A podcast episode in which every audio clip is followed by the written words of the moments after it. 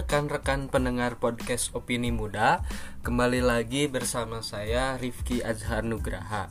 Di episode kali ini saya mau sharing soal revolusi industri 4.0 Buat kalian yang mau dengar atau mau tahu soal hal-hal yang mendasar soal sejarah dan produk revolusi industri 4.0 ini silahkan disimak ya jadi episode kali ini adalah rekaman sharing saya sama organisasi pelajar yaitu Pimpinan Pusat Ikatan Pelajar Persatuan Islam yang dilakukan secara live lewat aplikasi Instagram. Kalau ada suara yang patah patah-patah, maaf ya, wajar saja saya juga kemarin baru nyoba live lewat IG. Jadi silahkan disimak ya Eh, rekan-rekan semuanya semoga bermanfaat buat semuanya. Oke silahkan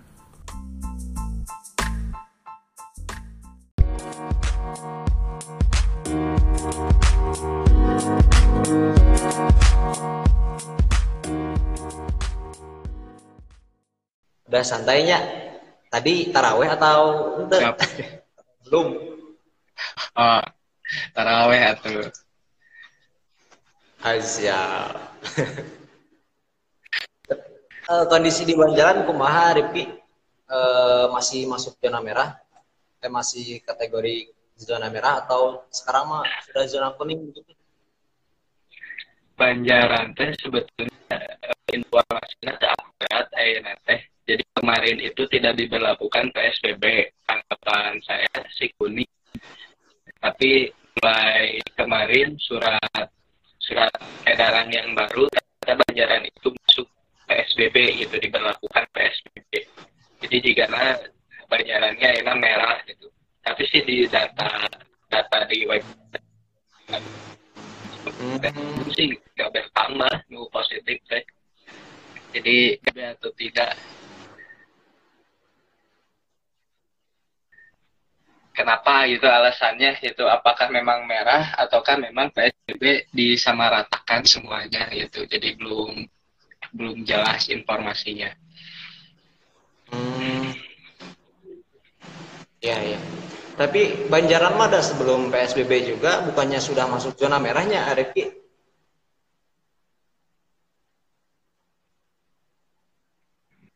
hmm?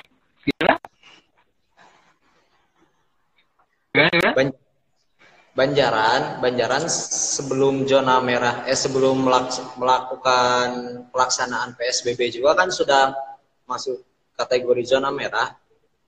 Mm -mm, sudah zona merah sebelumnya. Cuman setelah oh. itu yang positif tidak bertambah. Kemudian PSBB tidak diberlakukan di Banjaran sebagai checkpoint saja tapi surat edaran yang terakhir yang terakhir dikirim sama gubernur ternyata diberlakukan PSBB. Oh iya. Oh itu standarisasi termasuk kategori zona merah itu karena memang sudah ada korban atau yang positif korban meninggal atau yang positif aja? Uh, kalau di Banjaran itu kemarin karena memang sudah ada yang positif dan ada yang meninggal karena positif tersebut gitu. Oh. Jadi Tapi jadi tidak bertambah uh, positif nanti. Hmm? Kuma, Kang? Yang yang positifnya itu tidak bertambah tapi sampai saat ini Oh iya. Hmm. Siap, siap. Jadi hitungannya eh, lebih dari satu itu sudah masuk zona merahnya. Jadi kalau misalkan satu Bahkan, daerah atau kecamatan kemarinnya disebut ada satu orang, padahal baru ada satu orang juga sudah diberlakukan zona merah. Oh. Eh, masjid Siap. ditutup itu sejak sudah ada informasi ada yang meninggal. Masjid hmm. di Banjaran semua ditutup, terutama di jalan-jalan raya, jalan raya besar. Masjid Agung, Masjid eh, apa Pajagalan, Pesantren Persis dan Masjid Masjid Jami yang ada di pinggir jalan semua ditutup Ya. Siap, siap, siap. Mudah-mudahan eh, segera inilah segera normal kembali.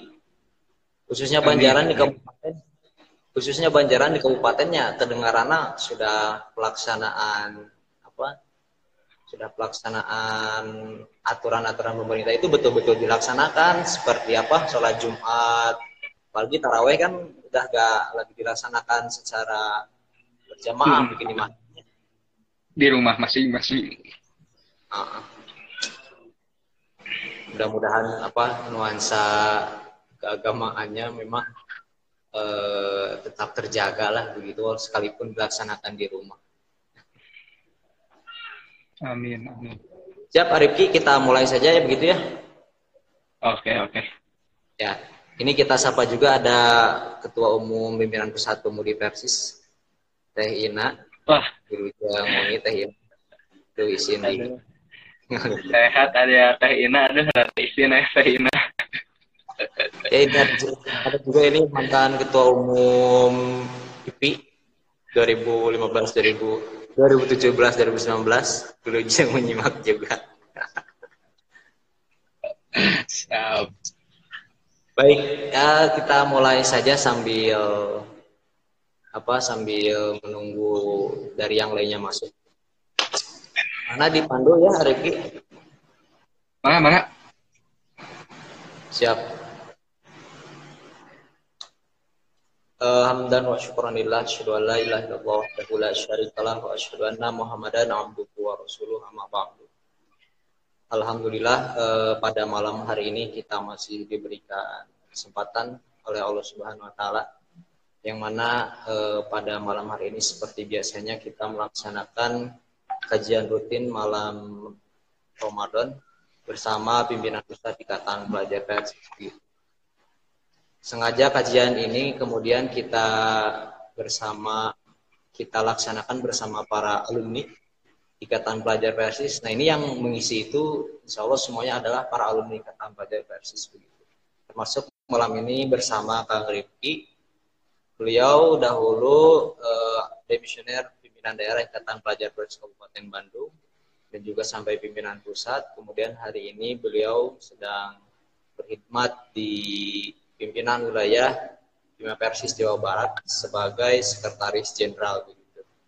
Kemudian di PC Pemuda Persis Banjaran juga beliau sedang aktif. Baik untuk malam ini eh, tak lupa akan kami sapa para penyimak, para penonton di mana pun yang sedang berada. Mudah-mudahan bisa bisa apa menikmati, mudah-mudahan bisa bisa apa bisa nyaman ketika mendengarkan eh, apa pada kajian malam ini sekalipun banyak kekurangan begitu. Kemudian akan kami sapa juga para kader-kader kami di IPP yang di mana pun berada. Mudah-mudahan sehat selalu, tetap tetap jaga pergerakan sekalipun eh, pergerakan dan ruang batas ruang gerak kita itu terbatasi. Terakhir akan kami sapa seperti biasa para pejuang COVID-19 mudah-mudahan Allah selalu memberikan kesehatan, kesabaran dan kekuatan. Baik, Adipki pada malam hari ini eh, apa tema mungkin sudah disampaikan ya. Tema malam ini yakni eh, Indonesia Revolusi 4.0 ataukah eh, 5.0 begitu.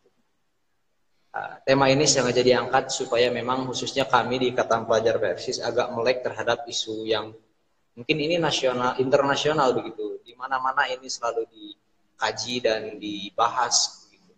Masuk mungkin di Indonesia. Indonesia apakah memang ketinggalankah untuk isu-isu ini, untuk kajian-kajian ini ataukah memang uh, Indonesia sedang sama uh, seperti negara-negara lain? Dan bentuk nya seperti apa sih revolusi 4.0 itu begitu kan untuk konteks Indonesia begitu kan. Kalau misalkan melihat Jepang begitu pesat begitu eh, apa begitu cepat dalam mengejawantahkan atau dalam penjabaran revolusi 4.0 bahkan mungkin Jepang sudah masuk 5.0 begitu ya. Tapi eh, nanti lebih jauhnya akan dibahas oleh Kak. Mangga Kak waktu dan tempat silakan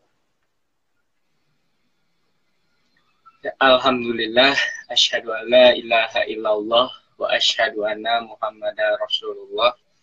Uh, pertama-tama uh, marilah kita panjatkan puji syukur pada Allah Subhanahu wa taala yang telah memberikan kita nikmat iman juga nikmat Islam sehingga berkat kedua nikmat itu kita masih memiliki kesadaran akan pentingnya mengkaji suatu ilmu dan juga tidak lupa nikmat kesehatan uh, sehingga kita masih bisa diberikan kekuatan untuk uh, apa untuk bisa sama-sama mengkaji ilmu apa pun di tengah pandemi dan tidak bisa bertatap muka secara langsung dengan rekan-rekan semua yang menyimak itu juga jangan lupa untuk mensyukuri nikmat adanya kuota karena tanpa adanya kuota mungkin kita tidak bisa uh, ikut menyimak live IG di Ikatan Pelajar Persis ini. Betul itu. Uh, baik rekan-rekan sekalian para penyimak uh, ini saya lihat dari tadi yang menyimak wah kebanyakan memang uh, belum saya kenal gitu belum saya kenal jadi saya juga uh, kalau apa ya kalau sharing sama orang yang belum saya kenal itu uh, kadang agak agak agak bingung juga sih harus mulai dari mana dan dan ngejelasin sampai mana gitu materi yang harus dibahas gitu. Tapi memang ini jadi tantangan tersendiri buat saya e, membahas hal yang memang isu global di tataran global juga. Ya gitu. Jadi uh, oke okay, sebelum sebelumnya sebelum sebelumnya mungkin mohon maaf ini saya uh, pakai handphonenya di landscape karena biar tidak usah dipegang gitu tidak tidak ada standnya gitu. Jadi buat teman-teman yang uh, apa agak itu mungkin selama saya ngobrol uh, mohon di landscape aja ya gitu. Jadi terus uh, apa cahayanya juga di sini. Karena kebetulan ini saya live-nya di kamar sendiri. Saya live di kamar. Jadi lampu kebetulan ada di belakang saya gitu. Dan kalau saya mau ngadap ke sana agak susah juga ngaturnya gitu. Kebetulan meja kerjanya ada di sebelah sini itu oke okay, uh, eh, para penyimak sekalian mudah-mudahan apa yang kita uh, apa yang akan dibahas hari ini itu bermanfaat rekan-rekan semuanya. Berbicara soal Indonesia ada di uh, revolusi industri 4.0 atau ke 5.0 itu memang agak menantang juga bagi saya karena pertanyaan ini eh, bisa saja mempertanyakan keadaan sebenarnya atau yang kedua justru pertanyaan untuk mengkritik karena kita sudah masuk kepada RI 4.0 ataukah justru sudah masuk kepada RI 5.0 gitu. Jadi uh, tentunya kalau berbicara soal diskursus uh, wacana seperti ini tidak terlepas dari kritik. Jadi mudah-mudahan uh, rekan-rekan semua yang menyimak gitu, kalau akan mendengar kritik uh, kritik yang mungkin cukup pedas bagi negara kita ini bukan bukan karena saya oposisi saya emang nggak oposisi juga bukan pendukung. Uh, alhamdulillah netral kalau soal diskursus dan wacana apa-apa yang disampaikan oleh pemerintah kalau misalkan itu baik saya apresiasi. Tapi kalau misalkan ada kekurangan memang harus kita kritik bersama karena kritik adalah bagian dari uh, perhatian kita kepada negara, kasih sayang kita kepada negara sebagai warga negara yang memang peduli terhadap kita sendiri. Itulah kenapa perlu diadakannya diskusi diskursus seperti ini agar uh, uh, sekalian sekali lagi kalau uh, uh, dalam diskursus saya itu cenderung apa di sini kita perkenalan dulu saja tentang revolusi industri ini. Takutnya memang dari eh, rekan-rekan uh, sekalian yang hadir pada hari ini belum belum begitu uh, betul-betul melek terhadap revolusi industri atau bahkan baru dengar nih revolusi industri. Apa nih revolusi industri? Karena baru dengar istilahnya ikutan aja gitu. Ataukah bisa jadi memang ikutan karena memang sudah uh, melek atau sudah mengikuti wacana diskursus revolusi industri begitu. Tapi walaupun begitu, agar kita punya persepsi yang sama terhadap revolusi industri, saya ingin mengantarkan revolusi industri ini eh, baik dari segi definisinya dulu, istilahnya seperti apa, sejarahnya bagaimana, lalu kita sedang eh, posisinya berdiri di mana hari ini, gitu. Jadi kalau memang berbicara soal revolusi industri, uh, kenapa sih dinamakan revolusi begitu? Kenapa uh, apa ini dinamakan revolusi industri gitu? Kenapa nggak dinamain transformasi industri? Kenapa nggak dinamain uh, reformasi industri kan seperti itu gitu. Kenapa sih harus dinamakan sebagai revolusi industri itu? Maka kita tarik dulu nih arti dari revolusi tersendiri itu uh, seperti apa begitu.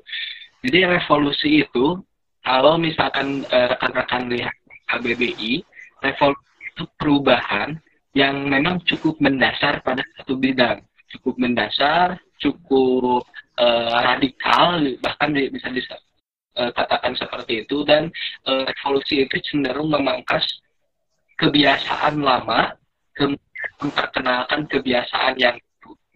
Jadi kenapa disebut revolusi?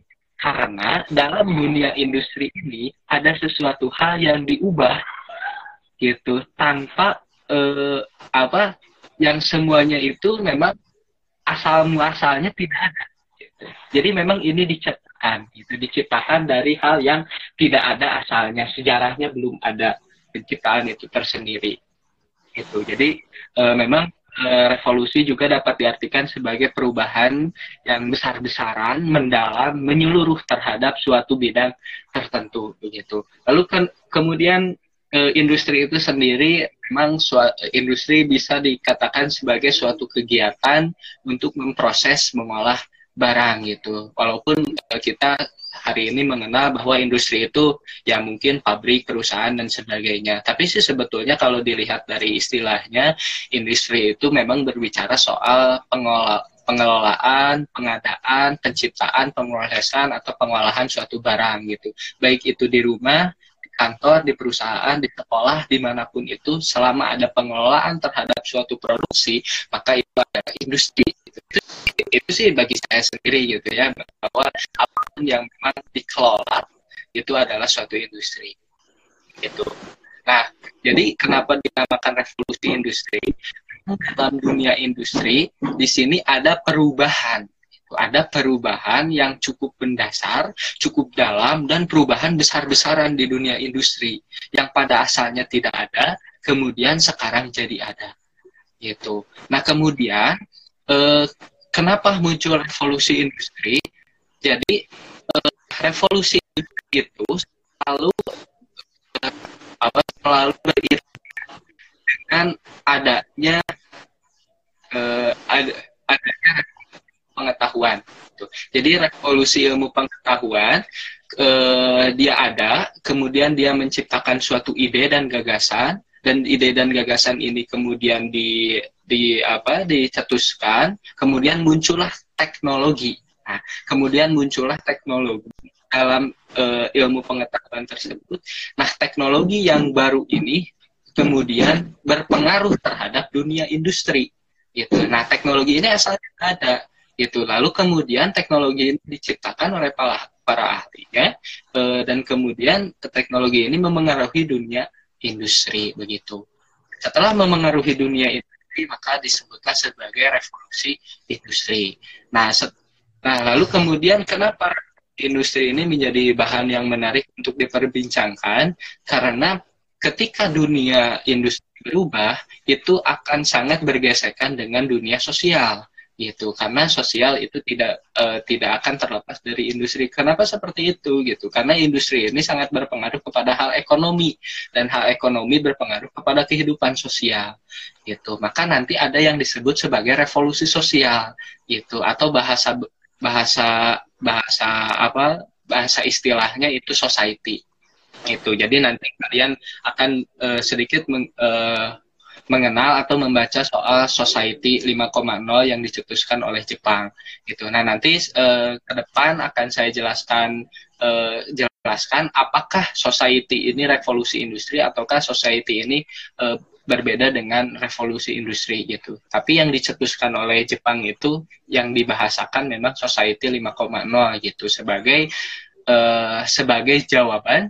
Oh bukan sebagai jawaban, sebagai uh, apa konsep baru tapi revolusi industri 4.0 begitu. Society 5.0 ini lahir karena ada revolusi industri 4.0 begitu.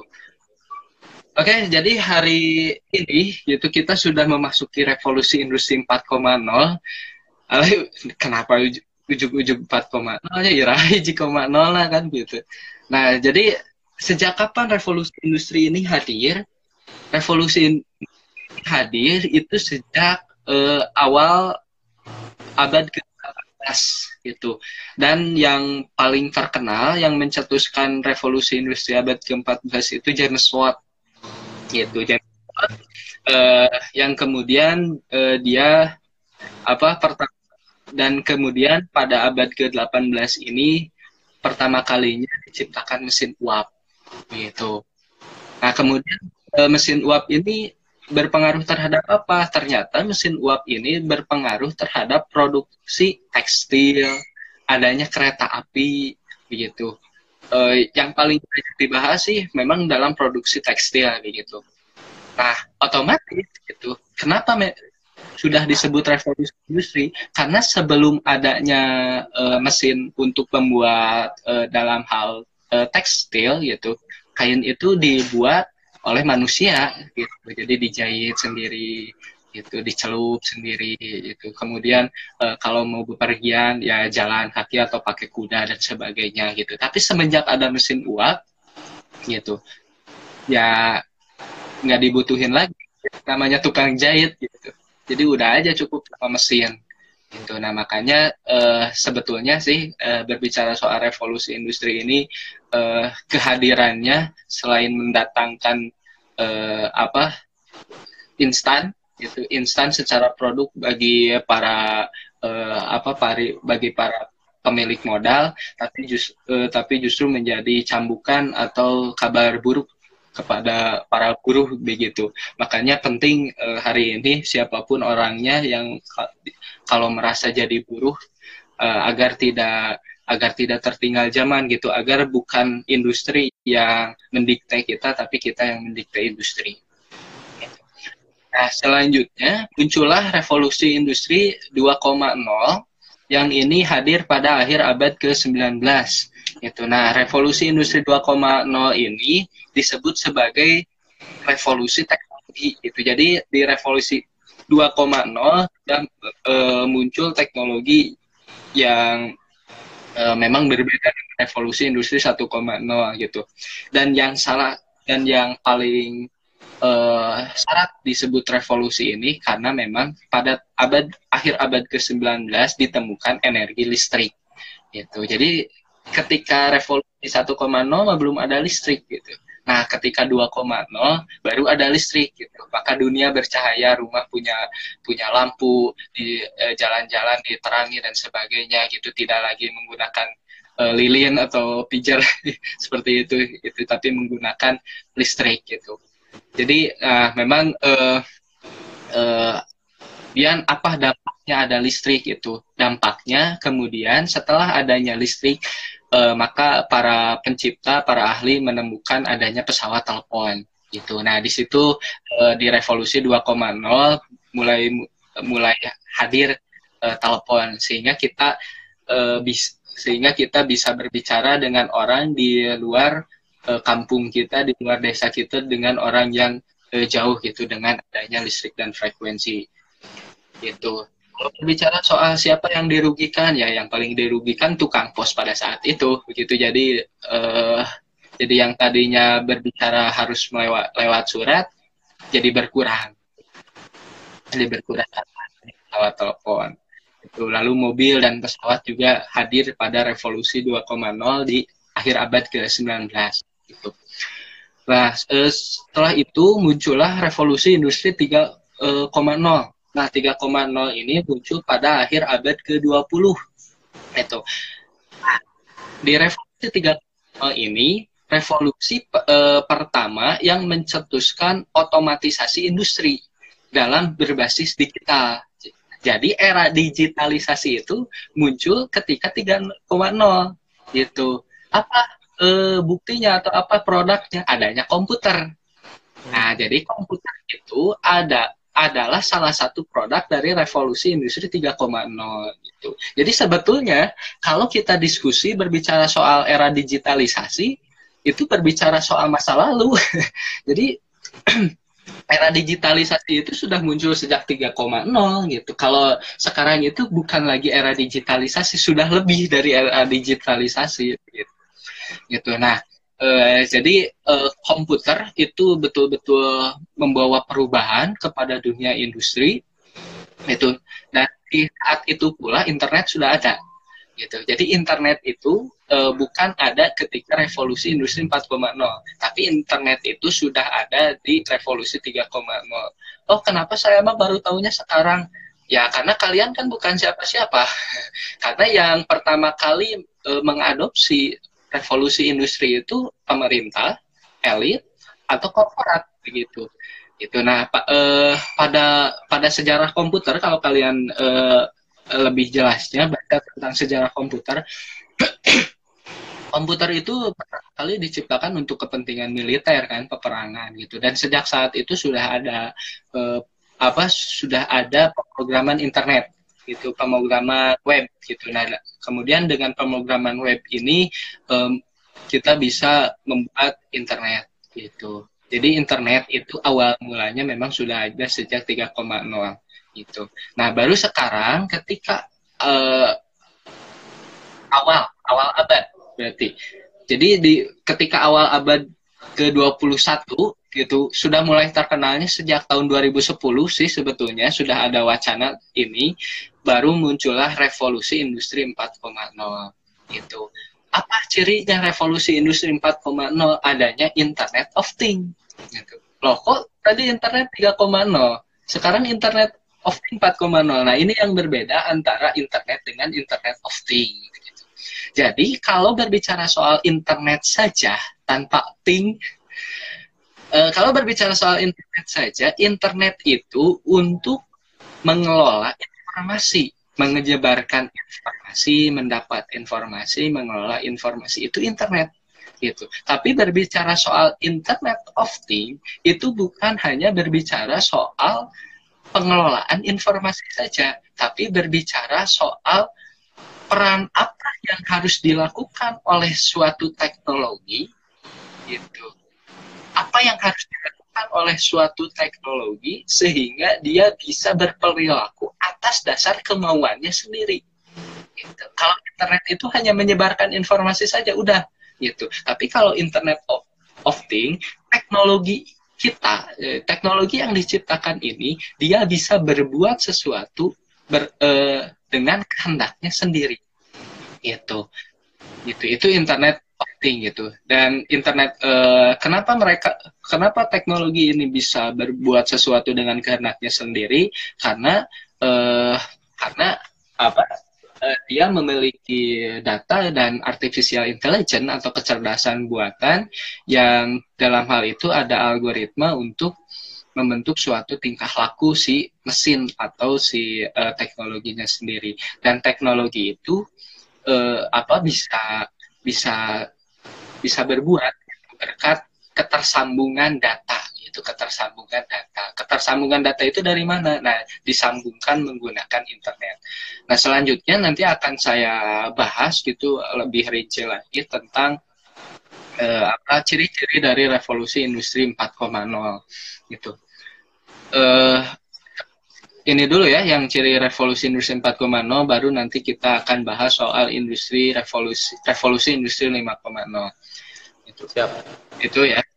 Uh, oke okay, jadi di 4.0 ini ada banyak ciri-cirinya sebetulnya. Kalau uh, rekan-rekan rekan-rekan bisa baca langsung di internet juga banyak. Tapi saya akan uh, apa akan rangkum jadi enam enam hal yang betul-betul uh, berpengaruh terhadap dunia industri gitu yang paling sentris begitu ya. Bukan bukan artinya yang lainnya tidak penting begitu tapi enam hal ini memang menjadi hal yang paling sentris yang memang mengubah kebiasaan industri industri lalu kemudian industri uh, revolusi industri ini akan mengubah kebiasaan sosial atau menjadi society begitu.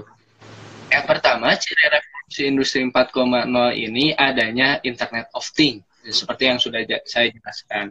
Jadi Internet of Things itu konsep di mana suatu objek yang memiliki kemampuan untuk mentransfer data melalui jaringan tanpa memerlukan interaksi manusia.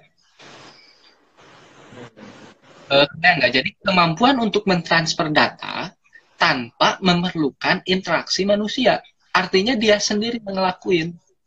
Gitu. Kalau di revolusi industri 3.0, in, uh, internet, penyebaran informasi itu berdasarkan input yang dilakukan oleh manusia. Itu contoh misalkan kalian posting di uh, Instagram, posting status, posting foto, caption gitu. Nah itu adalah uh, nah itu masih menggunakan interaksi manusia itu itu bisa hadir berkat adanya revolusi 3.0 kita bisa update status gitu ya karena ada revolusi 3.0 gitu. Nah tapi kemudian di revolusi 4.0 ini bukan penyebaran informasi oleh si manusianya tapi oleh dirinya sendiri yang mengelola data, yang kemudian data itu dia simpulkan sendiri dengan algoritma tertentu yang diciptakan oleh programmernya uh, atau penciptanya, uh, maka dia uh, apa ber, melakukan hal itu karena kehendaknya sendiri. Gitu. Atau misalkan kayak gini. Uh, uh, lampu nih lampu tanpa menggunakan saklar ketika siang hari dia mati. Ketika siang hari dia mati. Jadi si lampu ini dia mendetek apakah ini siang atau malam. Kalau sudah lampu menyala. Kalau sudah eh, siang maka lampu mati begitu. Nah itu tanpa menggunakan saklar, hanya menggunakan sensor saja. Nah itu eh, adalah produk dari Internet of Things begitu. Jadi dia ngambil data di satelit, apakah di kawasan dia sudah siang atau malam begitu, terhubung kepada internet atau satelit begitu. Nah kemudian yang kedua adanya big data gitu. Nah, ini uh, big data sering banyak juga diper, uh, diperbincangkan selain Internet of Things karena memang big data menjadi nyawa dalam Internet of Things atau revolusi industri 4.0 gitu. Kenapa disebut big data? Itu karena big data merepresentasikan istilah terhadap database atau suatu volume data yang sangat besar gitu. Jadi big data ini bukan soal database gitu. Kalau database mah udah ada, ada sejak zaman 3.0 gitu. Nah, di 4.0 ini udah disebut sebagai big data gitu. Jadi data volume datanya yang betul-betul besar yang dia menginput data yang uh, sampai hal yang spesifik sekalipun gitu. Kemudian dari hal yang spesifik tersebut suatu sistem membentuk perilakunya sendiri berdasarkan data yang ada gitu. Nah, contohnya yang paling uh, apa ya, yang yang paling signifikan untuk kalian lihat itu di Facebook gitu. Kalau kalau di IG sih saya kurang melihat ya seperti apa, tapi kalau di Facebook sangat terlihat sudah um, sudah memperlakukan big data lewat Facebook. Contohnya kayak gini. Di Facebook, di marketplace khususnya, ketika kalian searching motor, setidaknya selama satu bulan iklan yang akan kalian lihat di Facebook itu adalah tentang motor. Bahkan kalau misalkan yang kalian ketik adalah eh, merek motornya, gitu, ya maka yang muncul iklan itu aja, gitu. Bukan berarti semuanya itu ya, tapi kebanyakan itu. Gitu. Terus kalian suatu saat nyari eh, produk produk oh ini banyak perempuan biasanya nyarinya produk kecantikan atau obat diet. nah misalkan kalian cari obat diet gitu di Facebook lewat marketplace, setidaknya selama satu bulan yang akan kalian lihat itu iklan-iklan produk uh, obat diet gitu. Nah, karena apa yang kalian cari di sana itu disimpan. Gitu. Tidak hanya sebatas menjadi histori atau sejarah pencarian kalian saja. Tapi apa yang kalian cari itu disimpan dalam big data mereka, database mereka. gitu. Kemudian database ini diolah untuk kemudian eh, di diajukan kepada kalian gitu. Oh ternyata ka, e, kamu mah tertariknya soal ini nih soal obat diet. Maka Facebook akan memperlihatkan iklan-iklan obat diet yang dijual oleh berbagai macam orang gitu. Gitu. Jadi memang e, apa kalau berbicara soal keterbutuhan informasi, Internet of Things dan data ini cukup humanis, gitu. cukup cukup uh, manusiawi gitu karena kita hanya akan memperlihatkan apa yang kita butuhkan saja itu apa yang kita tidak butuhkan tidak akan lihat begitu jadi kalau kalian ngeluh di Facebook ih kenapa ya di Facebook teh uh, postingan-postingan teh banyaknya yang jualan jualan jualan produk ini aja gitu yang lain enggak ya mungkin karena sebelumnya kalian pernah mencari produk tersebut begitu dan yang ketiga yang eh, ketiga ini cukup mewah sebetulnya berbicara soal AR atau augmented reality. Gitu. Augmented reality ini sebuah teknologi yang dia menggabungkan dunia maya gitu menjadi dua atau tiga dimensi ke kehidupan nyata atau lingkungan yang nyata gitu.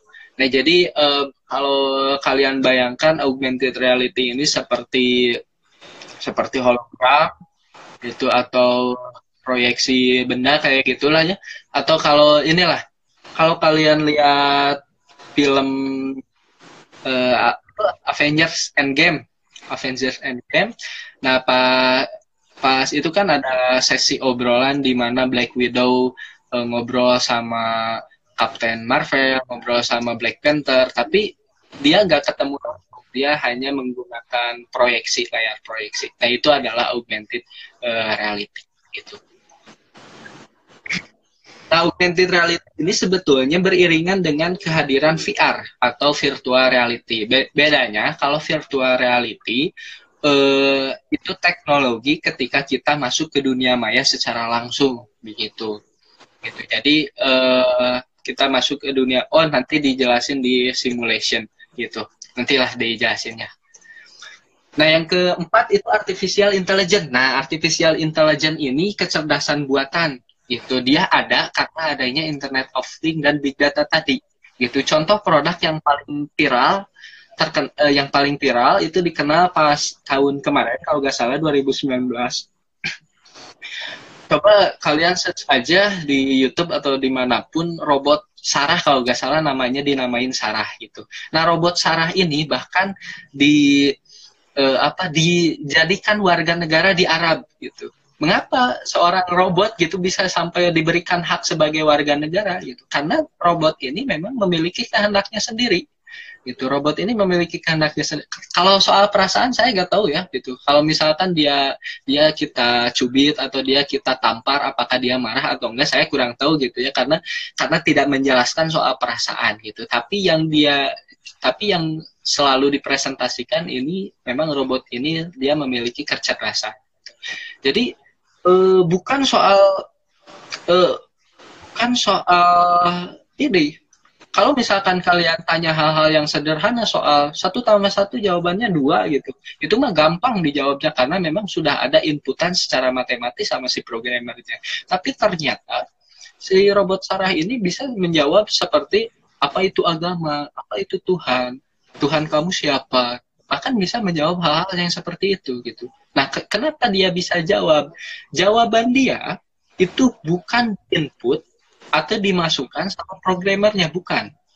Itu tapi dia bisa menjawab berdasarkan data yang ada di internet.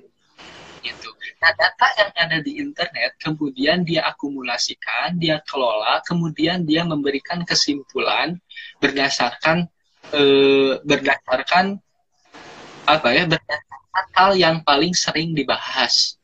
Bukan hal yang paling sering dibahas hal yang paling objektif yang ada di internet begitu jadi dia nilai sendiri nih. Itu kan di internet itu banyak diskursus banyak wacana itu. Kemudian dia e, pelajari oleh dirinya sendiri kemudian dia bisa menyimpulkan sendiri berdasarkan data yang ada.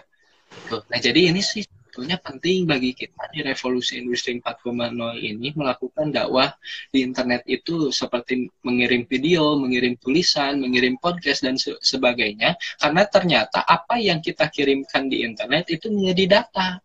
Itu menjadi data oleh si artificial intelligence sendiri itu kebayangkan kalau misalkan data yang dimasukkan di internet hal-hal yang terlalu liberal begitu hal, eh, liberal dalam artian liberal, liberalisme gitu ya itu bukan liberal eh, liberal yang eh, bebas kajian dan sebagainya tapi liberalismenya.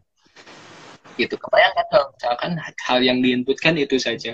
Mungkin si artificial intelligence ini hanya akan mempercayai itu karena objektivitas yang terbanyak yang ada di internet tentang hal itu gitu. Maka eh, maka ini revolusi industri 4.0 ini sebetulnya perlu ada apa ya dalam bidang IT dalam bidang jaringan security programming analisa uh, dan statistika, mate ahli matematika, ahli fisika. Nah, itu sangat dibutuhkan di revolusi industri 4.0 terutama dalam penunjang dakwah gitu agar kita tidak ketinggalan. Nah, yang kelima itu simulation. Simulation ini saya tadi sebut VR atau virtual reality gitu. Jadi misalkan eh, misalkan gini, eh, apa?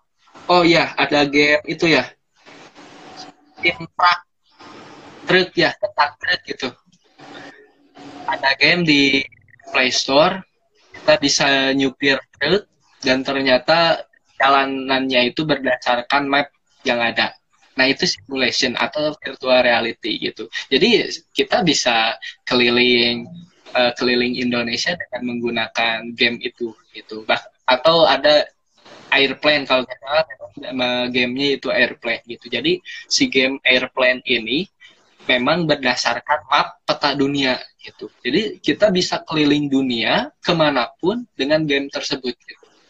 Gitu uh, dengan dengan pesawat itu gitu. Kita bisa ke Indonesia kita bisa ke Eropa kita bisa ke Amerika hanya dengan melihat game tersebut gitu. Nah itu menggunakan pesawat. Ah itu mah udah ada sejak ada Google Map atau Google Earth ya memang gitu. Tapi kelebihannya kan e, kita hanya menginputkan datanya saja gitu. Tapi kalau ini kita bisa mengendarai pesawatnya mengendarai truknya dan sebagainya begitu kalau e, ini simula PR ini akan sangat bermanfaat buat hal-hal yang sifatnya pengujian, pelatihan, pendidikan gitu.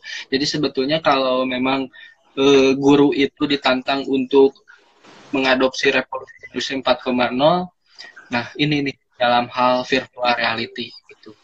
Gitu. Jadi kalau misalkan wah kita harus melek terhadap revolusi industri 4.0 ya udah belajarnya di Zoom aja. Nah itu sebetulnya belum belum mengadopsi revolusi 4.0 gitu.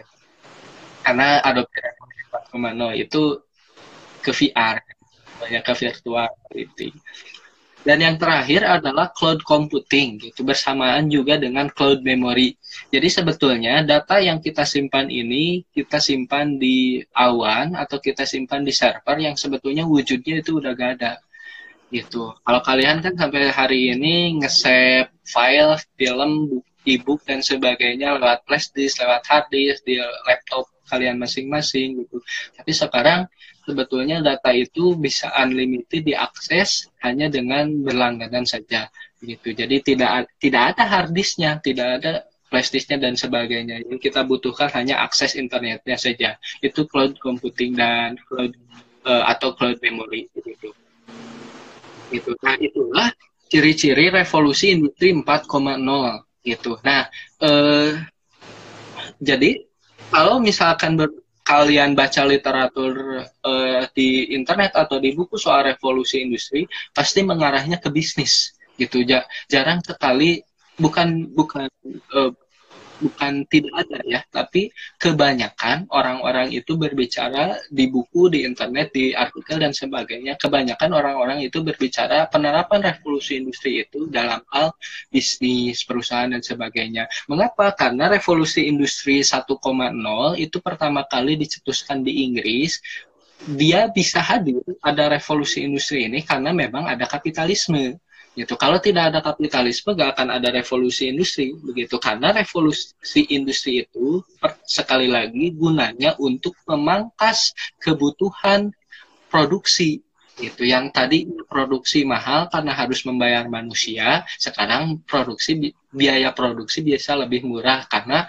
e, robot tidak usah dibayar gitu. Hanya dirawat saja. Dan dirawatnya itu kan nggak setiap hari nggak setiap bulan juga. Mungkin hanya satu tahun sekali maintenance seperti itu.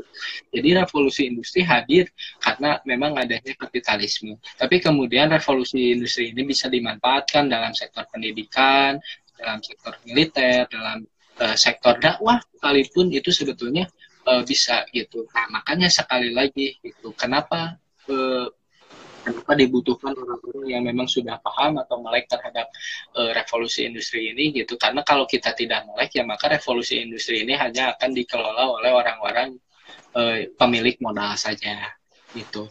Nah kemudian bagaimana dengan revolusi 5.0? Uh, kalau saya cenderung uh, begini.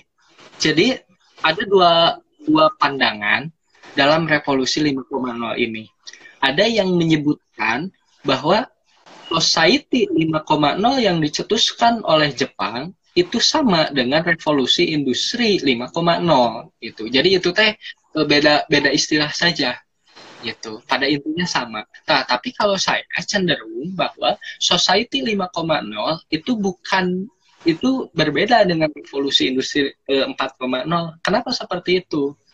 Karena gini, society 5.0 hadir gitu konsep yang disebutkan oleh perdana menteri itu pada saat uh, diskusi di World Economic Forum atau WEF pada tahun 2019 kata Shinzo Abe kan uh, kata Pak takut dengar si Shinzo nya kata Pak Shinzo Abe uh, Society 5.0 itu berbicara soal bagaimana konektivitas antara manusia dengan teknologi. Teknologi yang dimaksud apa? Ya ini ya Internet of Things, virtual reality, augmented reality. Artinya sebetulnya tidak ada revolusi di sana. Gitu. Dia hanya mengadopsi. Adopsi itu bukan revolusi, beda. Itu sekali lagi tadi sudah saya jelaskan bahwa revolusi itu hadir karena ada revolusi teknologi itu yang tadinya ad, tidak ada menjadi ada. Nah, dalam society 5.0 tidak menawarkan teknologi yang baru lebih baru dari 4.0. Society 5.0 ini menawarkan bagaimana masyarakat atau manusia dia bisa terhubung dengan teknologi. Gitu. Maka society 5.0 ini adalah bagian dari jawaban terhadap revolusi industri 4.0. Gitu. Jadi eh, jadi eh, jadi gitu ya kalau secara perbendaharaan kata bagi saya pribadi eh, belum ada gitu, revolusi industri 5.0 yang ada society 5.0 ada. Tapi kalau revolusi industrinya itu belum ada dan entah kapan eh, bisa ada gitu ya. Eh, belum belum ada belum ada diskursus yang saya baca apakah revolusi industri 5.0 bakal terjadi di abad 22, 23 dan setelahnya. Begitu.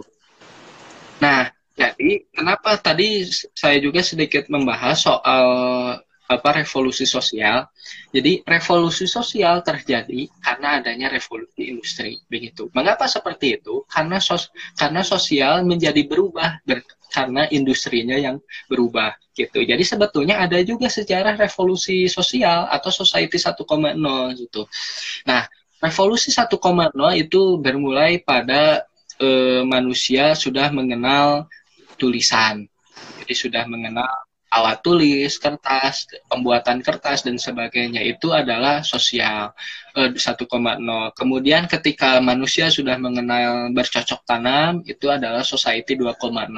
Kemudian ketika eh, apa sosial sudah mengetahui soal mesin, nah ketika revolusi industri e, ke satu terjadi maka di sanalah ter, e, tercipta society 3.0 kemudian muncul internet eh ya ketika kemudian muncul internet, komputer dan sebagainya, kemudian muncullah revolusi sosial atau society 4.0. Nah, sekarang hadir revolusi industri 4.0 yang ternyata memang memberikan alternatif teknologi yang baru daripada revolusi industri 3.0. Terciptalah Society 5.0 yang dicetuskan oleh Jepang pada tahun kemarin gitu sebagai jawaban bagaimana seharusnya manusia berinteraksi gitu. Tapi kenapa Jepang bisa sampai mencetuskan Society 5.0 gitu. Nah, ini yang menarik eh, kenapa Jepang pertama kali mencetuskan Society 5.0 karena memang Jepang memiliki peka terhadap sosial di, uh, di masyarakatnya gitu. Jadi pemerintahnya, negaranya memang peka terhadap masalah sosial di masyarakatnya. Pertama, di Jepang itu dia punya masalah terhadap uh, generasi gitu. Jadi ternyata di Jepang itu generasi tua lebih banyak daripada generasi muda. Itu. Kenapa seperti itu? Ternyata kebiasaan masyarakat orang Jepang uh, dia tidak memandang pernikahan sebagai suatu kewajiban gitu atau sebagai suatu ternyata e, pernikahan itu di, dianggap sebagai upaya untuk e, apa upaya untuk memenuhi hasrat biologisnya saja hasrat biologis dan hasrat psikologisnya saja seperti itu. Nah kemudian muncul masalah gitu karena dipandang seperti itu istri yang suka marah-marah atau suami yang egois atau anak yang bandel begitu. Jadi jadi malas ngurusnya gitu. Ah daripada e, ngurus istri daripada ngurus anak gitu. Ternyata masyarakat itu e, karena karena pikirannya untuk e, apa untuk kebutuhan biologis saja ya ya udah gitu. Menikah gak usah punya anak gitu. Kalau butuh hal itu ya cukup aja menggunakan e, apa menggunakan jasa atau menggunakan robot begitu. Kan sudah ada robotnya kan Nah itu. Jadi tidak muncul generasi, generasi baru. Apa masalahnya kalau tidak muncul generasi baru? Tidak ada pelanjut. Itu. Tidak selama uh, politikus uh, terus-terusan dia, tidak selamanya guru akan terus-terusan dia, tidak selamanya di yang menjadi bu intinya sih diburu sebetulnya gitu. Tidak selamanya buruh orang tua gitu. Kalau buruh orang tua kan uh, orang itu kalau usianya uh, lanjut gitu dia aktivitasnya juga berkurang gitu. Maka negara akan sangat dirugikan kalau misalkan tidak ada generasi muda itu kemudian yang kedua masalahnya uh, ya itu tadi karena karena generasi muda maka ketersediaan tenaga buruh ahli pun berkurang maka kemudian Jepang menawarkan solusi gitu. Ya udah kalau gak ada manusia mah pakai artificial intelligence aja. Kalau gak ada manusia mah pakai robot saja. Itu. Nah itu hadir karena Jepang sudah melihat oh ternyata revolusi industri itu bisa menjawab tantangan mereka sendiri. Itu contoh misalkan dalam hal dalam hal kesehatan gitu. Dalam hal kesehatan sebelumnya kalau kita mau meriksa kita sakit atau enggak kita mungkin harus ke puskesmas tapi kalau di musim 4.0 kan nggak usah lagi ke puskesmas ada aplikasinya contoh uh, aja disebutin nggak tahu di iklan satu uh, ada banyak di aplika uh, di Play Store aplikasi-aplikasi untuk mempertanyakan menanyakan apakah kita sehat atau enggak. Apakah menggunakan sensor apakah menggunakan uh, apa apakah menggunakan ke data dan sebagainya gitu. Bahkan eh, kakak tingkat saya pas kuliah di, pas kuliah pas saya masih mahasiswa skripsi kakak tingkat saya itu bagaimana handphone kita itu kamera eh, ketika di aktif ketika diaktifkan diarahkan ke retina kita aplikasinya akan mendetek ada gejala penyakit apa saja dari kita lewat retina. Karena memang bisa dilihat gitu. Karena memang bisa dilihat lewat retina mata. Tapi kemudian bisa kita lihat lewat aplikasi lewat handphone kita gitu. Artinya nggak usah lagi ke dokter gitu. Nggak usah lagi ke puskesmas tapi bisa menggunakan aplikasi. Nah Jepang melihat nah gitu. Kalau tenaga medis berkurang ini mau nge dulu nanti dilanjutkan. Bakal oh siap siap Bagaimana nanti kaitannya bukan hanya pada sektor ekonomi. Baik. Arifi, siap? Ya, ya. Jadi satu jam sekali ngerepres gitu. Oh, saya kira e, bebas IG itu. Jadi gak beda jauh sama Zoom ya sebetulnya. Hmm. Siap, baru santai sampai Jepang menghadapi masalah sosial. Ya, siap. Dilanjut? Siap, masih seru. Siap, lanjutkan. Oh, Oke, okay, siap, siap. Jadi, kalau misalkan tenaga kesehatan berkurang karena tidak ada generasi baru, ya maka artificial intelligence tadi menjadi solusi. Itu sehingga pekerjaan bisa dilakukan secara remote gitu. Nah sebetulnya eh, pekerjaan secara remote ini udah mulai kita terapkan di negara kita sendiri karena karena eh, terpaksa ya ada pandemi gitu. Kalau nggak ada pandemi saya nggak tahu gitu. gitu. Jadi kalau misalkan di dunia programming sih sebetulnya ini udah nggak aneh gitu kerjaan kerja di rumah kantornya di Jakarta kitanya misalkan di Bandung uh, kita tetap bisa kerja gitu. Karena yang dibutuhkan itu adalah penerapan datanya itu bukan kehadiran kitanya begitu. Jadi yang penting uh, industri tetap jalan walaupun kita ada di mana saja itu nah maka ya udah kita gunain aja ini artificial intelligence kita gunain virtual reality itu kita gunain uh, Internet of Things gitu untuk menjawab hal-hal yang tadi gitu. Jadi intinya pada society 5.0 ini berbicara soal konektivitas manusia dengan teknologi gitu. Nah kemudian uh, ini sih sedikit lagi sebetulnya tadi uh, uh, sedikit lagi memang materinya. Jadi memang muncullah di sini bagi bagi negara kita tercinta tantangan untuk menerapkan revolusi industri 4.0 maupun society 5.0 begitu. Jadi yang pertama, tantangan yang harus dibangun oleh negara kita tentunya infrastruktur. Infrastruktur yang memang merata di seluruh level pemerintahan, baik di pusat sampai ke daerah gitu. Kalau yang kita bahas infrastruktur kemarin wacana kan baru pengadaan smartphone untuk kades saja kan?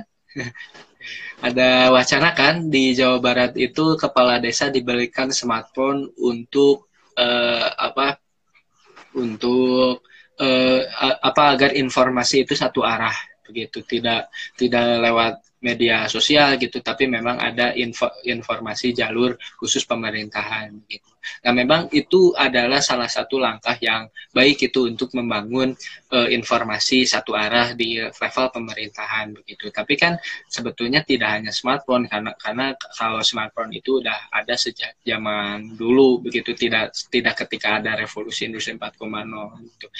E, nah maka infrastruktur ini memang harus dibangun begitu seperti yang kemudian nanti infrastruktur ini akan akan e, memberikan akses internet yang cukup adil terhadap seluruh masyarakat begitu. Kalau sekarang kan akses internet itu baru di e, baru di bisa di, dinikmati oleh orang-orang kota atau orang-orang yang dia kecamatannya ekspansi dari desa ke kota gitu. Contoh kayak Banjaran nih saya gitu. Banjaran ini kan sebetulnya ekspansi dari desa ke kota gitu. Walaupun kalian lihat alun-alun Banjaran rame gitu, gak ada di uh, tapi kan di Banjaran itu tetap saja namanya desa gitu. Saya aja sekarang alamat desa Banjaran Wetan gitu. Padahal saya di di tengah di di pinggir jalan raya kan rumahnya gitu. Tapi tetap disebut desa karena memang Banjaran adalah ekspansi dari desa ke kota. Nah, tapi bagaimana teman-teman kita ya memang di pedesaannya belum bisa mengakses internet. Jangankan mengakses internet, mengakses listrik saja. Nggak bisa gitu. Kalau orang-orang itu teman saya si Alwin teh orang mana? Itu kalau teman saya itu dia bahkan eh, ada listrik itu pas tahun 2000 itu jadi pas tahun 2000 baru ada listrik gitu. Sedangkan listrik itu kan sudah ada sejak abad ke-19 gitu. Habis sekarang pas abad 21 baru kenal listrik gitu. Jadi memang kalau berbicara soal pemerataan memang tantangan berat gitu, tantangan besar gitu. Itu ya. Jadi itu sekaligus eh, yang kedua, tantangan yang kedua tidak tidak terlalu kontras padahal kelas eh, padahal kelas ekonomi rakyat begitu. Sekarang sih memang eh, rakyat sudah sudah mulai uh, peka ya terhadap teknologi gitu. Tapi karena memang uh, mengenal teknologinya atas keterpaksaan sehingga betul belum semuanya siap gitu. Contohnya saja misalkan para orang tua yang harus uh, yang anaknya harus belajar lewat aplikasi Zoom, Google Meet dan sebagainya gitu. Banyak yang mengeluhkan uh, sinyalnya jelek lah, kuot kuotanya kuotanya memang uh, mahal begitu udah mah harus bayar SPP terus uh, kuotanya ternyata lebih boros daripada membeli bensin ternyata begitu. Nah uh, itu terjadi karena adanya kelas ekonomi yang terlalu jomplang sebetulnya bahkan untuk uh, para orang tua di perkotaan gitu. Itu teh di perkotaan yang mengeluhkan seperti seperti itu apalagi para orang tua yang ada di desa-desa seperti itu. Dan yang terakhir tantangan yang terberat itu adanya sumber daya manusia yang cukup untuk mulai menerapkan hal ini. Ternyata kalau menurut BPPT, Badan Badan Pengkajian dan Penelitian Teknologi, kalau tidak salah singkatannya pokoknya BPPT.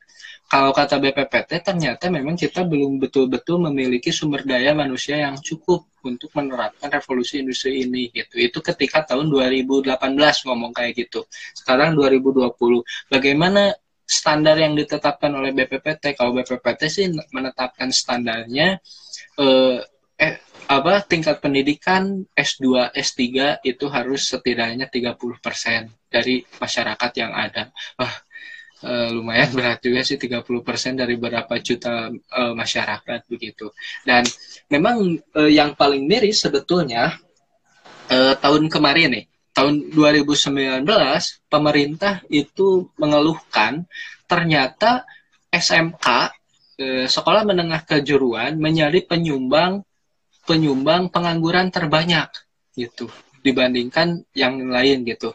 Ya karena kenapa bisa menjadi penyumbang pengangguran? Pertama karena memang SMK ditunjukkan untuk industri langsung, berbeda dengan SMA. SMA itu e, ditujukan untuk kuliah gitu artinya tidak akan terlalu dipertimbangkan apakah dia jadi pengangguran atau tidak gitu. Tapi SMK gitu karena ternyata di, nah eh, yang jadi dilematisnya SMK ini diminta, diminta SDM-nya untuk siap terhadap industri tapi ternyata malah jadi pengangguran. Kenapa bisa seperti itu? Karena ternyata skill yang di eh, skill yang dimiliki oleh anak-anak kita ini tidak tidak uh, sudah ketinggalan zaman begitu. Tidak tidak tidak lagi mengadopsi apa yang dibutuhkan oleh industri gitu. Jadi jadi memang uh, ada paradoks ya di dunia buruh dan industri ini sebetulnya para se sebetulnya perusahaan itu susah mencari pekerja dan ternyata pekerjaan itu susah mencari pekerjaan gitu. Kenapa bisa terjadi seperti itu? Karena para calon pekerja ini skillnya gitu sudah ketinggalan zaman itu tidak memenuhi skill yang dibutuhkan oleh perusahaan seperti itu. Gitu. Jadi bukan semata-mata tidak ada orang dalam saja gitu. Memang orang dalam sangat berpengaruh gitu. Kalau kalian punya orang dalam wah lancar lah usaha gitu. Tapi selain itu yang paling penting adalah skill yang dimiliki oleh masyarakat kita ternyata belum menjawab tantangan yang dibutuhkan oleh perusahaan itu tersendiri gitu. Jadi kalau mau mengeluh memang uh, mungkin bisa mengeluh mulai dari diri kita sendiri apakah sudah memiliki skill yang dibutuhkan oleh perusahaan yang kita tuju atau tidak gitu. Nah, sekali lagi revolusi industri kenapa saya kaitkan dengan bisnis dan perusahaan karena memang pada se pada sejarahnya, pada fakta sejarahnya revolusi industri hadir karena adanya kapitalisme. Tapi tidak menutup kemungkinan revolusi industri bisa dimanfaatkan oleh dunia pendidikan, oleh dunia dakwah dan sebagainya. Itu saja mungkin yang bisa saya sampaikan eh, tentang revolusi industri ini seperti apa. Kalau misalkan ditanya industri revo eh, Indonesia ada di RI 4,0 atau Society 5,0, ternyata eh, negara kita itu di revolusi industri 4,0 saja ini baru menjadi sebuah rencana gitu. Apa buktinya? Pada tahun 2019 ketika Pilpres baru dibahas. Padahal revolusi industri hadir sudah ada sudah terkenal sejak tahun 2010 gitu. Jadi kita sebetulnya ketinggalan 10 tahun dari negara uh, yang lain gitu. Oh ya, ada yang menarik gitu. Teman saya pernah nanya, Ki kalau misalkan Indonesia 10 tahun terbelakang dari negara lain, uh, apakah kita apakah kita bisa menyusul negara-negara maju tersebut? Ya, bisa gitu. Jadi ketika Indonesia mengejar ketertinggalan 10 tahun ini gitu. Nah, negara lain itu dia akan lebih akan semakin memberikan kemajuan atau lebih maju 10 tahun ke depan lagi gitu. Jadi eh, kita ngejar, mereka lari. Seperti itu mungkin yang bisa saya sampaikan mudah-mudahan bermanfaat buat semuanya. Kalau misalkan ada kekurangan mohon maaf atau ada kesalahan menyampaikan fakta atau data silakan dikritisi saja biar saya tidak sesat dalam kesalahan saya sendiri. Ya dikembalikan kepada moderator. Baik, Kang Rifki mantap, luar biasa, uh, cukup komprehensif gitu ya membahas mengenai 4.0 dan society uh, apa uh, 5.0 gitu. Kalau misalkan apa, kalau misalkan kemudian teman-teman bisa menangkap apa yang disampaikan Kang Rifki, mungkin uh, kita akan lebih dinamis lagi nanti bahasanya begitu. Karena memang apa dalam dalam 4.0 dan society 5.0 ini untuk konteks Indonesia begitu e, selalu apa ya kalau misalnya dibandingkan dengan negara lain itu selalu terbelakang tertinggal apalagi dalam penerapannya gitu kan. Jadi kita ini membahas ini membahas tema ini mungkin mungkin memang hanya hanya dalam dalam ranah pengetahuan gitu belum dalam ranah lebih jauhnya lagi. Nah bagi teman-teman ini apa ya yang sedang menyimak lumayan ada banyak nih. Barangkali ada apa yang ingin ditanyakan begitu seputar tema yang sedang dibahas oleh Kang Rifki begitu. Kalau misalkan sambil nunggu ya Kang Rifki sambil menunggu. Sambil menunggu barangkali ada yang menanyakan. Dari anak pribadi mungkin mau nanya dulu Kang Rifki ya uh, apa ya mungkin ini akan lebih dispesifikan begitu. Dalam apa ya dalam dalam realita yang sentuhannya sering menjadi kehidupan sehari-hari begitu ya ini para generasi muda begitu. Uh, mengenai apa ya mengenai digitalisasi ini. Tadi kalau misalkan bahasanya masuk ke society 5.0 gitu kan bagaimana gagasan dari negara Jepang ini yang kemudian sedang diwacanakan begitu kan. Mungkin hari ini sudah mulai terlihat juga begitu ya Arif ya. Bagaimana mengintegrasikan dunia maya dan dunia nyata begitu ya kurang lebih. Ya. Nah, bisa bisa. Hmm. Nah, pertanyaannya untuk konteks pelajar begitu. Karena tidak sedikit tidak sedikit bagaimana mereka itu cara cara penggunaan, cara pemanfaatan eh, belum sampai pada tahap baik dan bijak begitu. Masih ada yang memang apa ya eh, dalam penggunaan ini, dalam penggunaan di dalam digitalisasi ini eh, secara kebermanfaatan begitu ya, mungkin belum belum terlalu masif begitu. Bahkan kalau di, di dikalkulasikan bagaimana bagaimana perbandingannya mungkin dalam penggunaan media sosial di ranah generasi muda begitu mungkin akan lebih banyak pada hal yang memang kurang bermanfaatnya begitu ketimbang lebih manfaatnya begitu kalau misalkan berbicara apa ya berbicara orang tua mungkin mewajarkanlah bagaimana mereka kemudian ingin tahu kemudian menggunakan media begitu. Tapi ini untuk konteks pelajar begitu Arif. Nah, tadi pertanyaannya itu cara cara pemanfaatan atau penggunaan yang baik dan bijak. Cara cara cara Ini mungkin akan berkaitan sama pertanyaan kedua. Pertanyaan keduanya begini Arifi. Pertama kan cara pemanfaatan dan penggunaan yang baik dan bijak. Yang kedua, cara menghadirkan nilai-nilai religiulitas religiulitas dalam penggunaan teknologi ini begitu Arifi. Maksudnya ketangkap gak Arifi? Cek.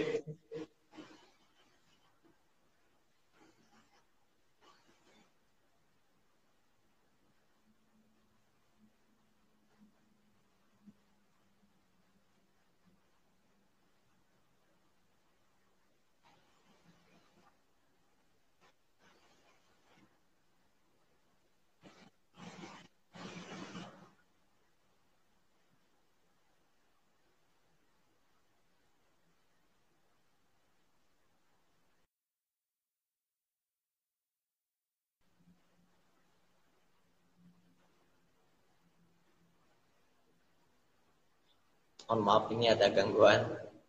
Uh, kita tunggu bergabung lagi Kang Rifin ini underscore man yang bertanya seolah akan dijawab. Sebentar tunggu dulu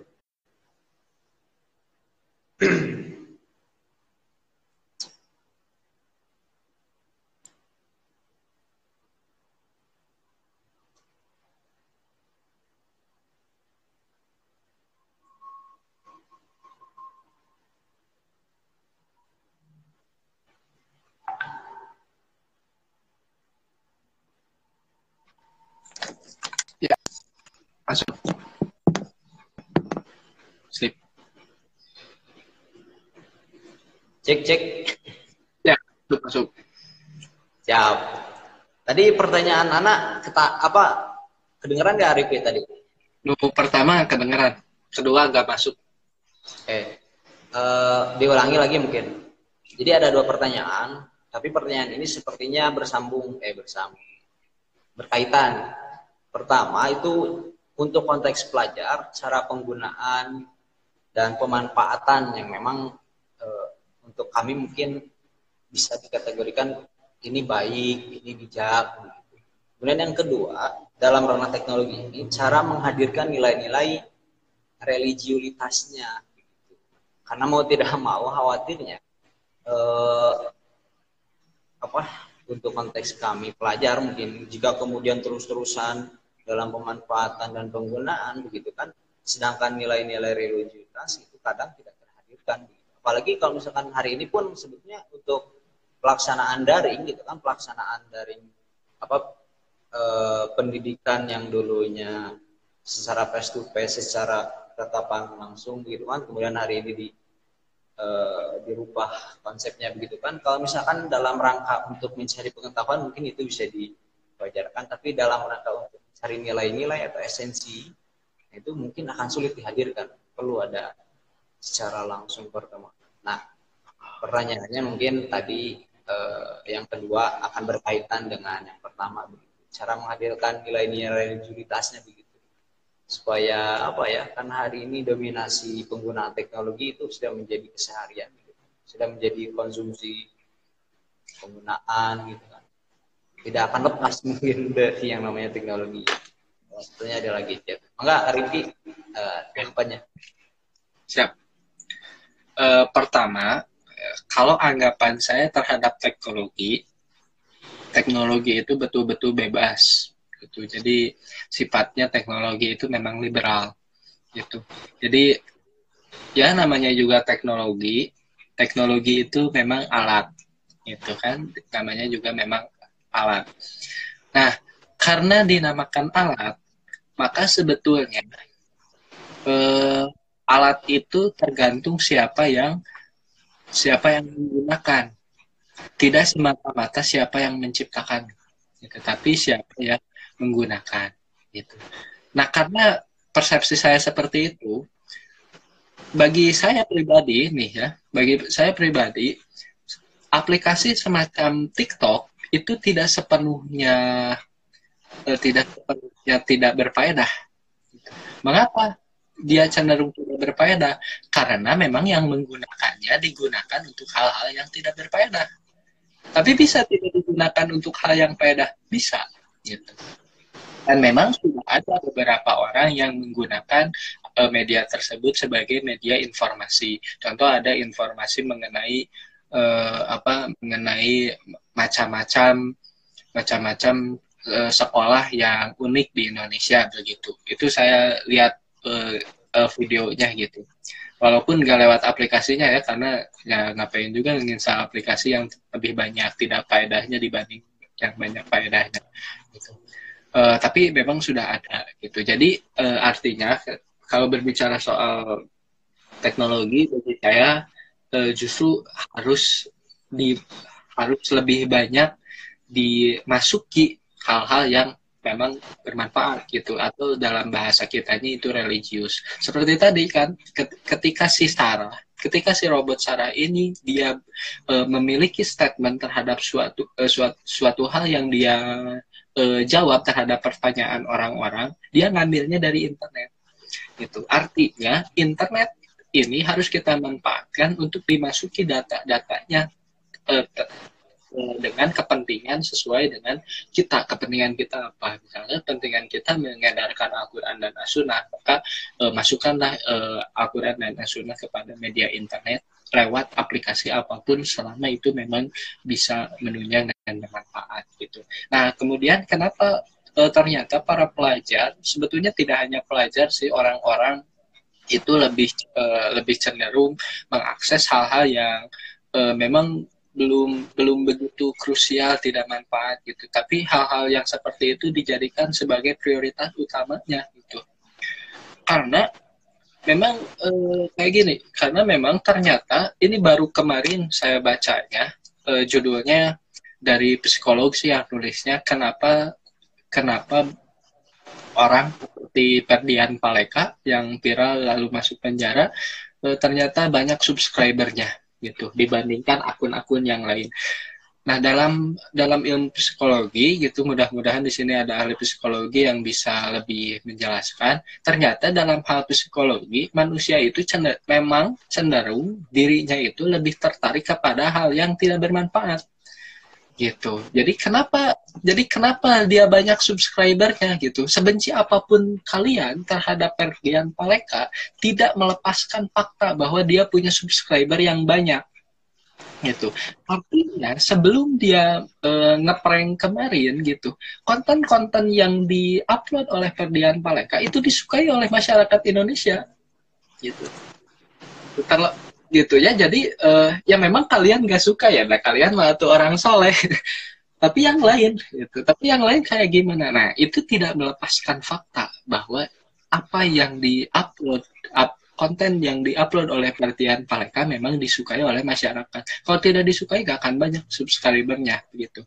Nah Nah ternyata memang itu ada dalam psikologi. Ternyata memang manusia itu kalau diberikan pilihan mana yang baik dan yang mana yang buruk, eh, nafsunya lebih condong untuk memilih hal yang buruk begitu dibanding hal yang baik. Oleh karenanya eh, penting meng kita itu menjadi pribadi yang tidak perlu lagi memikirkan oh ini baik tidak oh ini buruk tidak tidak memikirkan hal itu tapi sudah langsung masuk kepada hal-hal yang uh, baik begitu jadi jadi sebetulnya yang salah bukan teknologinya gitu tapi yang salah uh, adalah siapa yang memanfaatkan teknologinya. Dan kalian menggunakan uh, teknologi itu awalnya memang untuk apa?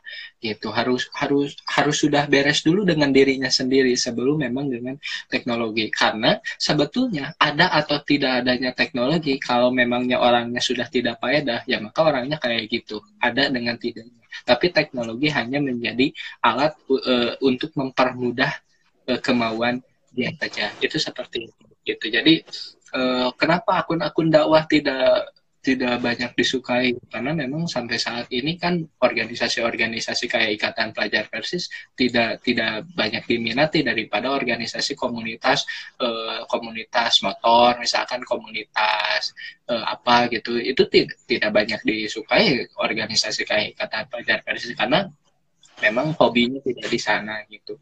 Dan justru inilah pentingnya pendidikan karakter yang harus di uh, apa yang harus diberikan eh, oleh para orang tua, terutama para guru sebagai orang tua di sekolahnya, itu pendidikan karakter itu berbicara bukan soal di sekolahnya saja gitu, tapi memang berbicara soal kesehariannya gitu. Agar ketika di mana pun tidak perlu diawasi gitu. Karena memang capek juga kalau misalkan orang tua apalagi guru harus mengawasi setiap akun media sosial anak didiknya gitu. Dia nggak akan punya waktu gitu. Saya aja sebagai guru kalau misalkan harus mengawasi anak didiknya yang ada berapa anak didik saya? Ada 90-an perangkatan. Malas gitu ng ngelihat 90 itu teh perangkatan apalagi kelas 2 apalagi kelas 1 belum dicek gitu.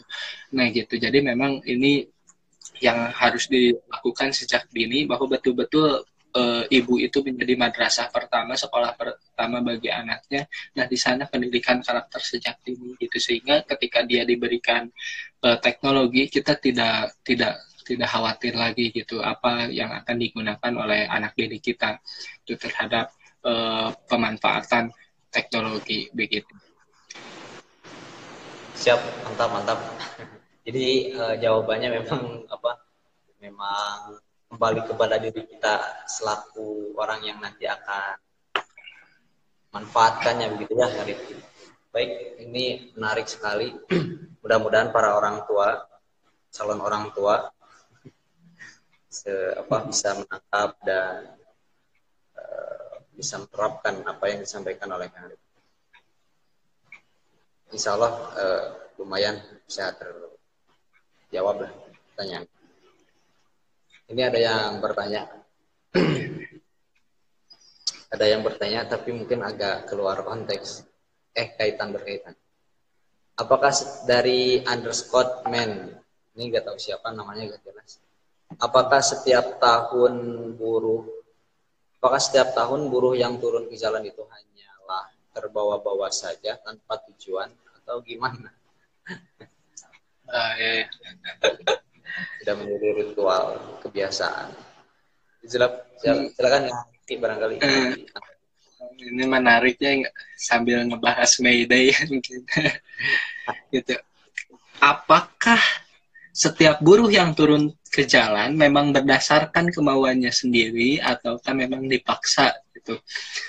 Uh, kalau berbicara soal buruh yang turun ke jalan, memang kita tidak bisa berasumsi uh, atau mengeneralisir semuanya gitu, karena memang setiap setiap buruh dia memiliki uh, pemikirannya sendiri-sendiri gitu. Apakah dia memang mau turun ke jalan atau tidak gitu. Tapi sampai tapi selama tidak ada paksaan dari oknum gitu tidak ada informasi bahwa dia dipaksa gitu e, bahwa buruh tersebut turun ke jalan maka itu memang kemauannya dirinya sendiri gitu. Karena sampai hari ini saya mengamati adanya aksi setiap May Day setiap tahunnya jarang sekali ada e, ada buruh yang memang dipaksa turun ke jalan gitu. Tapi memang e, tapi memang karena sebetulnya tidak ada paksaan juga gitu dari kita. Kalau misalkan kita nih ya aktivis mahasiswa mau aksi May Day gitu, kita tidak pernah memberikan himbauan kepada buruh mana pun untuk mengikuti aksi May Day kita. Gitu. Kita hanya e, mengajak saja gitu. E, tidak sampai ke memaksa begitu. Jadi kalau misalkan apa kalau misalkan mau ikut ya ayo. Kalau enggak juga nggak apa-apa gitu. Karena kita juga sadar gitu. Kita juga sadar kalau misalkan buruh dipaksa seluruhnya untuk untuk uh, untuk untuk apa untuk mengikuti aksi kita tidak bisa menjamin apa yang uh, kita tidak bisa menjamin apa yang selanjutnya terjadi kepada buruh tersebut. Bisa saja di suatu perusahaan buruh tersebut setelah aksi dipaksa oleh kita malah dia di PHK. Kemudian setelah dia di PHK dia gak punya lagi kerjaan karena punya uh, track record yang buruk di perusahaan tersebut. Gitu. Itu kan eh, jahat sekali begitu. Jadi sebetulnya tidak ada paksaan untuk eh, bagi kami ya aktivis mahasiswa itu tidak ada paksaan untuk mengikuti, mengikuti aksi May gitu dan bagi saya nggak boleh dipaksa gitu karena tadi tidak ada jaminan apakah dia akan selamat atau tidak setelah mengikuti aksi gitu. Kepentingan kita itu hanya menyampaikan aspirasinya saja. Tapi kalau misalkan ada buruh yang uh, eh ya udah saya mah mau ikut aja gitu tanpa mau paksaan dan sebagainya ya udah ikut aja tapi sampai hari ini sih saya pikir belum ada, belum ada yang buruh merasa terpaksa begitu mengikuti aksi aksi tersebut gitu.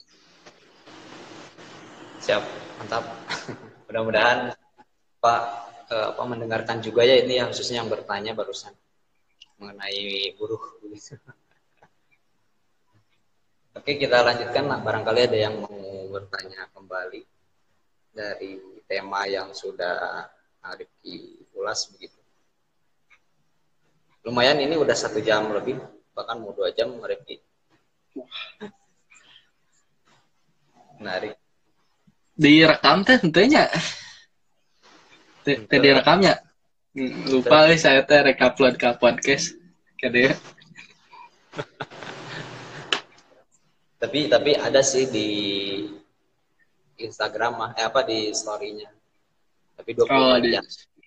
24 jam. 30, ah, 24 jam. Bisa diceknya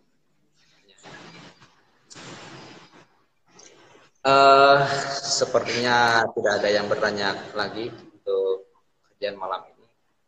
Mungkin uh, apa ya dari ulasan yang barusan Kang Rifki sampaikan juga insya Allah kalau misalkan dari saya pribadi mungkin bisa menangkap beberapa poin-poin pentingnya begitu terkait 4.0 dan juga society uh, eh, 5.0 ini.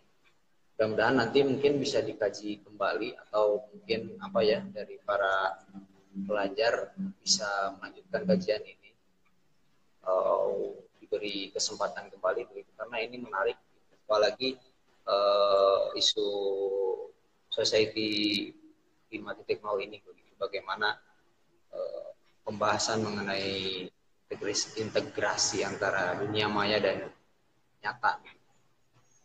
Uh, sebelum ditutup mungkin Rifki ada apa ya kesimpulan atau sekaligus closing statement. So, oh itu ada ada yang bertanya tuh. Oh ada. Oh siap. Ya ini dari Rahmi.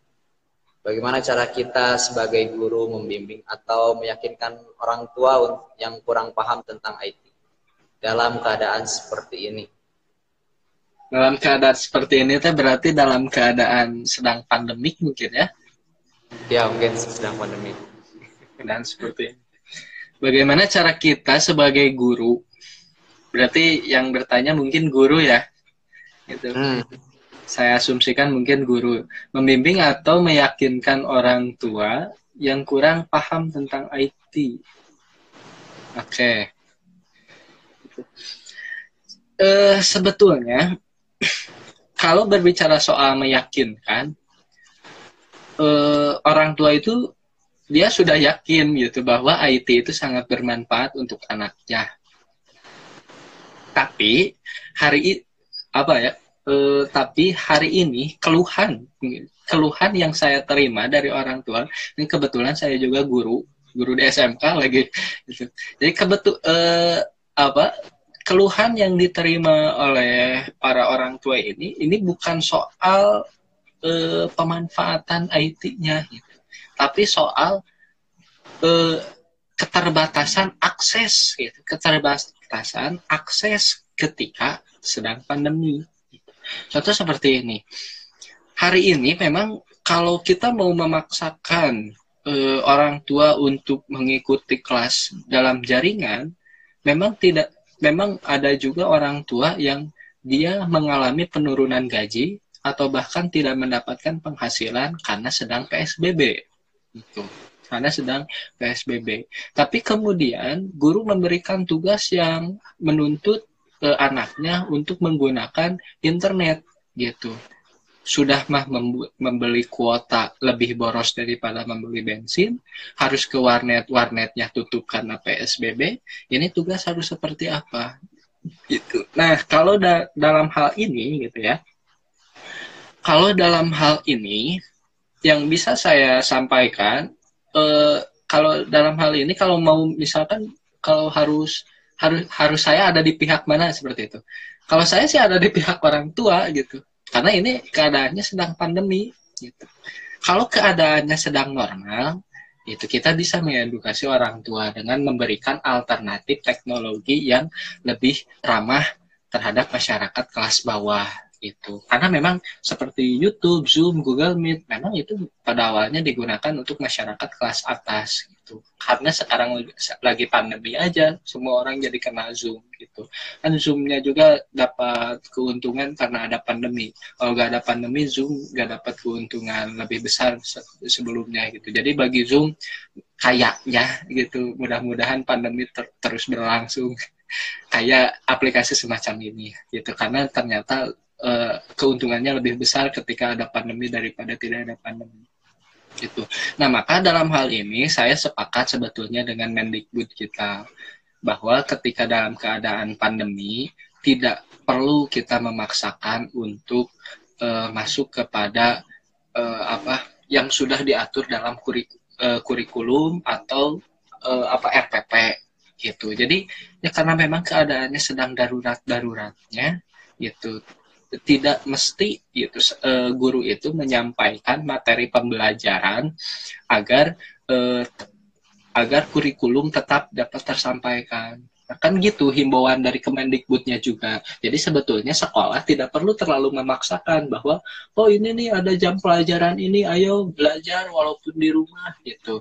Tidak tidak sampai seperti itu gitu. Tapi himbauan belajar di rumah itu yang saya bisa pahami dari eh, himbauan dari pemerintah agar anak didik kita ini tetap diam di rumah. Karena kalau tidak diberikan tugas, ada kemungkinan anak didik kita ini malah main daripada diam di rumah.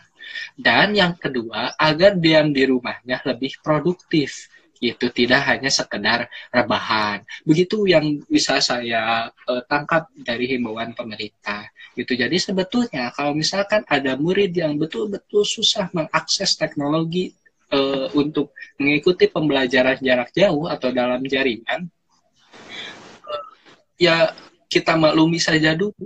Gitu. Karena memang keadaannya sedang pandemi, bukan dalam keadaan normal gitu itu mungkin yang bisa saya sampaikan. Mudah-mudahan menjawab masalahnya. Siap. Terima kasih. Baik uh, untuk Teh Rahmi itu ya jawaban dari Kang mudah-mudahan uh, tidak gampang puas bisa kemudian mencari referensi dari yang lain uh, sudah apa ya? Ini nggak ada lagi mungkin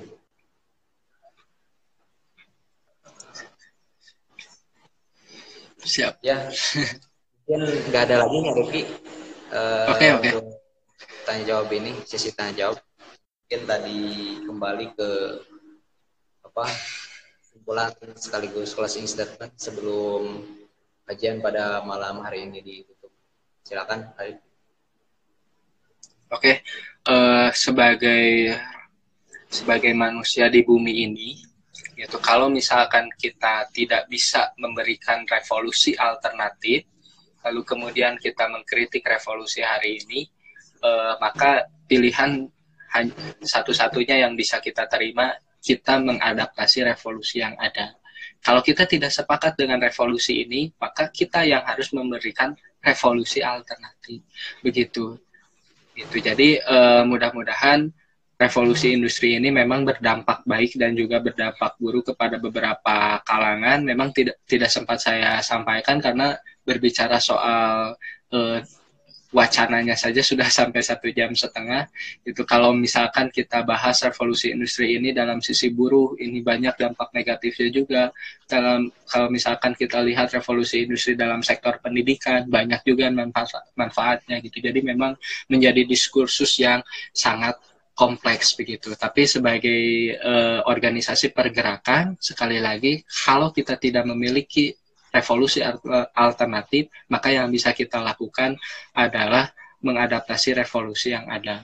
Lalu yang kedua, yang selalu saya ingatkan kepada seluruh para pendengar saya, gitu jadi e, sebetulnya sebagai seorang manusia kita itu pasti sibuk tidak mungkin tidak sibuk sebagai seorang manusia tapi pertanyaannya ketika kita sibuk apakah kita sibuk dalam kebaikan ataukah sibuk dalam keburukan?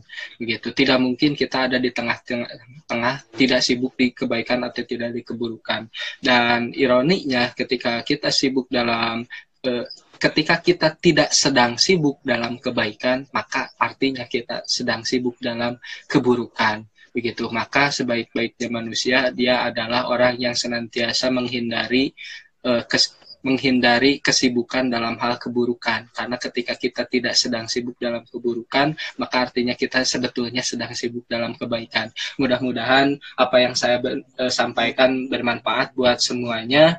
E, juga tidak puas ya e, dengan dengan revolusi industri 4.0 dan 5.0 ini sehingga kita bisa mem, uh, membuat diskursus-diskursus yang baru yang memang betul-betul memberikan uh, solusi terhadap uh, permasalahan pemerintah dan bangsa ini. Dan juga karena memang ini di media sosial, saya mau promosi aja jangan lupa di follow IG saya. IG saya di follow, Facebook saya juga uh, Facebook saya Rifki Nugraha dan kebetulan saya sekarang baru bikin podcast nama podcastnya opini muda bisa di follow gitu. Baru satu episode kemungkinan episode yang revolusi industri bakalan saya bahas juga di podcast saya. Itu eh, terima kasih sekali lagi buat eh, pimpinan pusat ikatan pelajar persis yang mengundang saya selaku alumni. Suatu kebahagiaan bagi saya sebagai alumni bisa diundang oleh adik-adik semuanya. Terima kasih uh, akhirul kalam robbana atina fid dunya hasanah wa fil akhirati hasanah wa qina adzabannar. Wassalamualaikum warahmatullahi wabarakatuh. Amin. Ya uh, baik terima kasih kembali pada Kang Rifki yang sudah memberikan apa ilmunya pada kita semua. Kering doa jazakumullah khairan kasiran mudah-mudahan apa yang Kang Rifki sampaikan itu betul-betul bisa kita kita cerna mungkin kita bisa realisasikan begitu. Apalagi memang bahasanya memang bahasanya memang e, mengena pisan dalam kehidupan kita sehari-hari. E, dan juga mudah-mudahan untuk Kang Rifki dari yang yang disampaikan itu menjadikan jariah dan juga menjadikan keberkahan selalu ya. Kang Rifki mudah-mudahan selalu barokah selalu dan juga selalu dimudahkan dalam urusannya khusus untuk persiapan nikahnya semoga diberikan. Amin amin. Dan juga kepada para penyimak terima kasih yang sudah menonton menyimak yang dari awal sampai akhir mungkin terima kasih banyak. E, kita ada empat kali pertemuan lagi insya Allah di malam Ramadan ini. E, mudah-mudahan bisa sampai selesai dilaksanakan itu saja mungkin Kang Rikpi. Sekali lagi terima kasih atas waktunya dan juga yuk. Uh, ditutup saja dengan doa. Kulu qali hada wa astagfirullah li wa lakum. Allahu yahudu bi aidina ila khairul islam. Rasihuna fil ilmi. Assalamualaikum warahmatullahi wabarakatuh. Waalaikumsalam warahmatullahi wabarakatuh.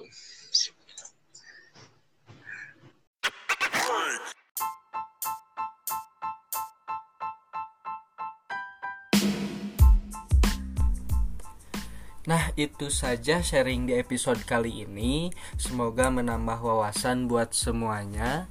Di episode berikutnya mungkin saya mau sharing lebih detail lagi soal produk yang ada di revolusi industri 4.0 seperti IoT, big data, artificial intelligence dan lain-lain kritik dan sarannya juga boleh ya. DM saja di Instagram saya nama akunnya Rifki Azhar Nugraha. Atau kalau mau request bahas apa boleh DM di IG juga ya. Oke mungkin itu saja di episode kali ini. Silahkan nantikan episode selanjutnya.